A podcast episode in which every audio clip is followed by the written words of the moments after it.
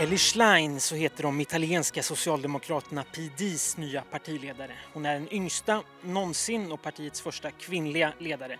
Hon är mer vänster än sina föregångare, född och uppvuxen i Schweiz med italiensk mamma och en amerikansk pappa. New York Times publicerade i helgen en intervju med henne och skrev då att det är svårt att föreställa sig en person som är mer olik landets premiärminister Giorgia Meloni än just Ellie Schlein. Hon tillträder som partiledare i ett läge där PD, en slags socialdemokratisk blandning av det som en gång var den kommunistiska högern och den kristdemokratiska vänstern, mår sämre än någonsin. Eftersom jag var i Grekland förra veckan på jobb och det inte kom ut någon tidningskrönika då känns det som att vi måste rekuperera lite från förra veckan och Schleins oväntade seger i partiledarvalet är onekligen en sån sak.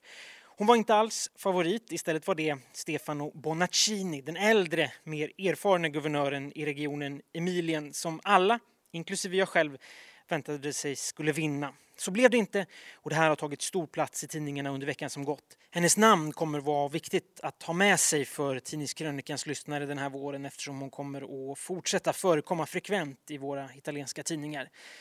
Eftersom vi pratar om Italien, ett land som vanligtvis, framförallt när det gäller politiken, är ett country for old men, så sticker Ellie Schlein ut. För tio år sedan hade Italien mindre än 20 procent kvinnor i parlamentet. Det var då en lägre siffra än till exempel Afghanistan. Nu har de två största partierna kvinnliga partiledare. Ellie Schlein är bara 37 år gammal. Ja, i Italien är det bara. Hennes reformagenda är aggressiv med fokus på klimatet, på att motverka ekonomiska ojämlikheter, förbättra jämställdheten mellan könen. Och högerpressen noterar gärna att hennes politik ofta är ofinansierad och att den ofrånkomligen kommer att leda till kraftigt höjda skatter eller en ökad statsskuld.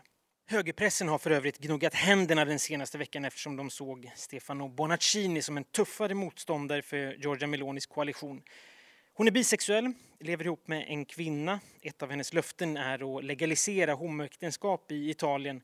Hon är före detta rökare, hennes pappa är jude och 2008 volontärade hon under Barack Obamas presidentvalskampanj. 2014 valdes hon in i Europaparlamentet och 2015 lämnade hon PD i protest mot att partiet genom valet av Matteo Renzi rört sig för mycket mot mitten. Om hon blir den förändring som den italienska vänstern hoppas på, det återstår att se. Det här är Tidningskrönikan. Nu kör vi!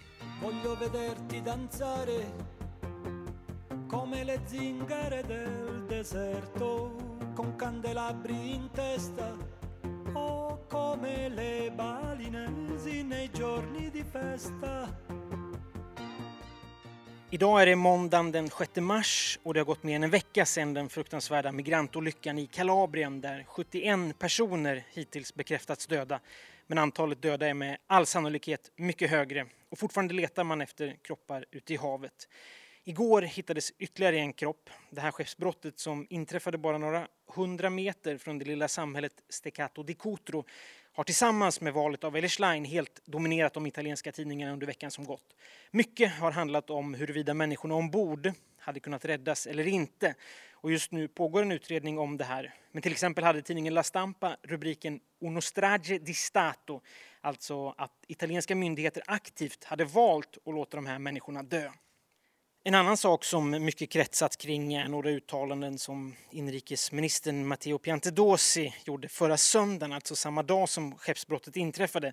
Han sa då bland annat att han själv uppfostrats till att ta ansvar för sina barn och han skulle aldrig utsätta dem för den fara det innebär att åka båt över Medelhavet. Dessutom sa han att om han hade varit i migranternas skor hade försökt stanna i de här länderna för att försöka hjälpa till på plats. De flesta av migranterna ombord på den här gamla träbåten kom från Syrien och Afghanistan och några av dem hade betalat uppåt 100 000 kronor för att få plats ombord.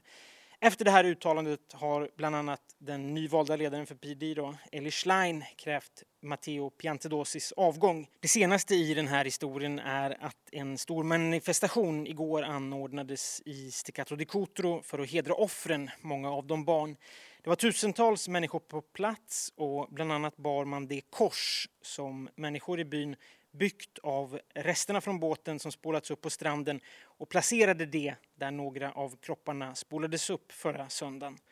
Den andra nyheten här är att premiärministern Giorgia Meloni som kritiserats från vänster för sitt ointresse för den här händelsen meddelat att nästa regeringssammanträde kommer att hållas i Kalabrien i det lilla samhället Steccato di Cutro på torsdag eller fredag. Det här beskedet kommer efter att borgmästaren skrivit ett brev till henne där han bett henne komma till stan, inte som premiärminister utan som mamma. Och här, innan vi stänger den här historien för idag, vi kommer komma tillbaka till den fler gånger, så skulle jag bara vilja lägga in en liten tanke som handlar om några av orden från Giorgia Melonis intervju igår, där hon bad journalisterna på plats att titta henne i ögonen och säga till henne att de verkligen trodde att den italienska regeringen medvetet lämnat de här 60 migranterna. Min egen parentes, de är över 70 bekräftade döda och kommer bli många fler till att dö. Tror ni verkligen att vi hade kunnat rädda dem, men struntade i det? Ungefär så sa hon. Okej, okay, om det är så eller inte, det kommer vi få veta genom den utredningen som just nu pågår. Men det som slog mig var den överraskade tonen som Meloni använde när hon sa det här. Alltså jag kan knappast klandra den människa som kommer till den slutsatsen. Alltså att italienska myndigheter skulle ha kunnat göra något. Eftersom nästan all italiensk migrationspolitik de senaste åren, och då menar jag från alla möjliga typer av regeringar, inte bara den här utan även tidigare vänster och mittenregeringar, handlat om att försvåra räddningsarbetet på Medelhavet. Särskilt för hjälporganisationer som i vissa delar av Medelhavet är de enda som kan rädda människor i nöd därför att det är de enda som befinner sig där. Alltså det är ingen orimlig slutsats och det säger jag helt utan att lägga någon värdering i det. Meloni själv kampanjade ju för att försvåra arbetet för de här organisationerna under valkampanjen och hon har i oppositionen kallat dem kriminella. Alltså är det en högst mänsklig slutsats att tänka att något skulle ha kunnat göras annorlunda. Och något annorlunda skulle även jag ha kunnat göra. För när det gäller de många döda i förlisningen utanför Kalabrien förra helgen så är det läge för självkritik. Men också ett bra tillfälle att förstå hur medier fungerar. TV4-nyheterna åkte inte till Kalabrien men vi åkte till Grekland för tågolyckan där med ungefär lika många döda. Vi har visserligen, säger jag, bevakat skeppsbrottet, men från Stockholm, precis som alla andra svenska medier. För det är dessvärre så, en migrantbåt som förliser på Medelhavet väcker inte längre någon större uppmärksamhet på redaktionerna i Stockholm. Här måste jag säga att TT Nyhetsbyrån är ett undantag som har följt utvecklingen den senaste veckan väldigt noga. Hatten av för dem. Uppmärksamhet väcker däremot en rejäl tågkollision. Det spektakulära i en nyhetshändelse är alltid en viktig ingrediens i urvalet som redaktörer gör. Men jag tycker att jag borde ha åkt till Kalabrien. Lite skvaller finns det alltid plats för i tidningskrönikan. Den italienska störtloppsstjärnan 30-åriga Sofia Goggia hon kom bland annat tvåa i världscuptävlingen i Norge i helgen och säkrade därmed sin tredje totalseger i störtloppskuppen i karriären. Allt mer tyder på att hon är ihop med den 30 år äldre journalisten Massimo Giletti. Även om det inte finns någon bekräftelse från någon av de inblandade så skriver nästan alla tidningar om det här idag. I en svensk kontext är det lite som att Stina Nilsson skulle bli ihop med Hasse Aro. Vilket jäkla power couple det skulle ha varit. Radio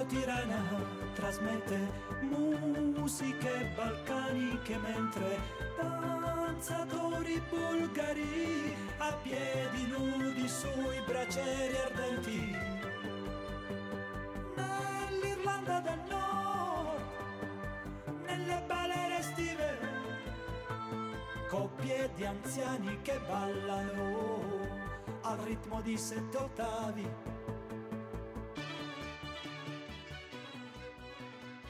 Det här var Tidningskrönikan Måndag. Hörni, vi hörs imorgon igen. Ha nu en riktigt bra dag. E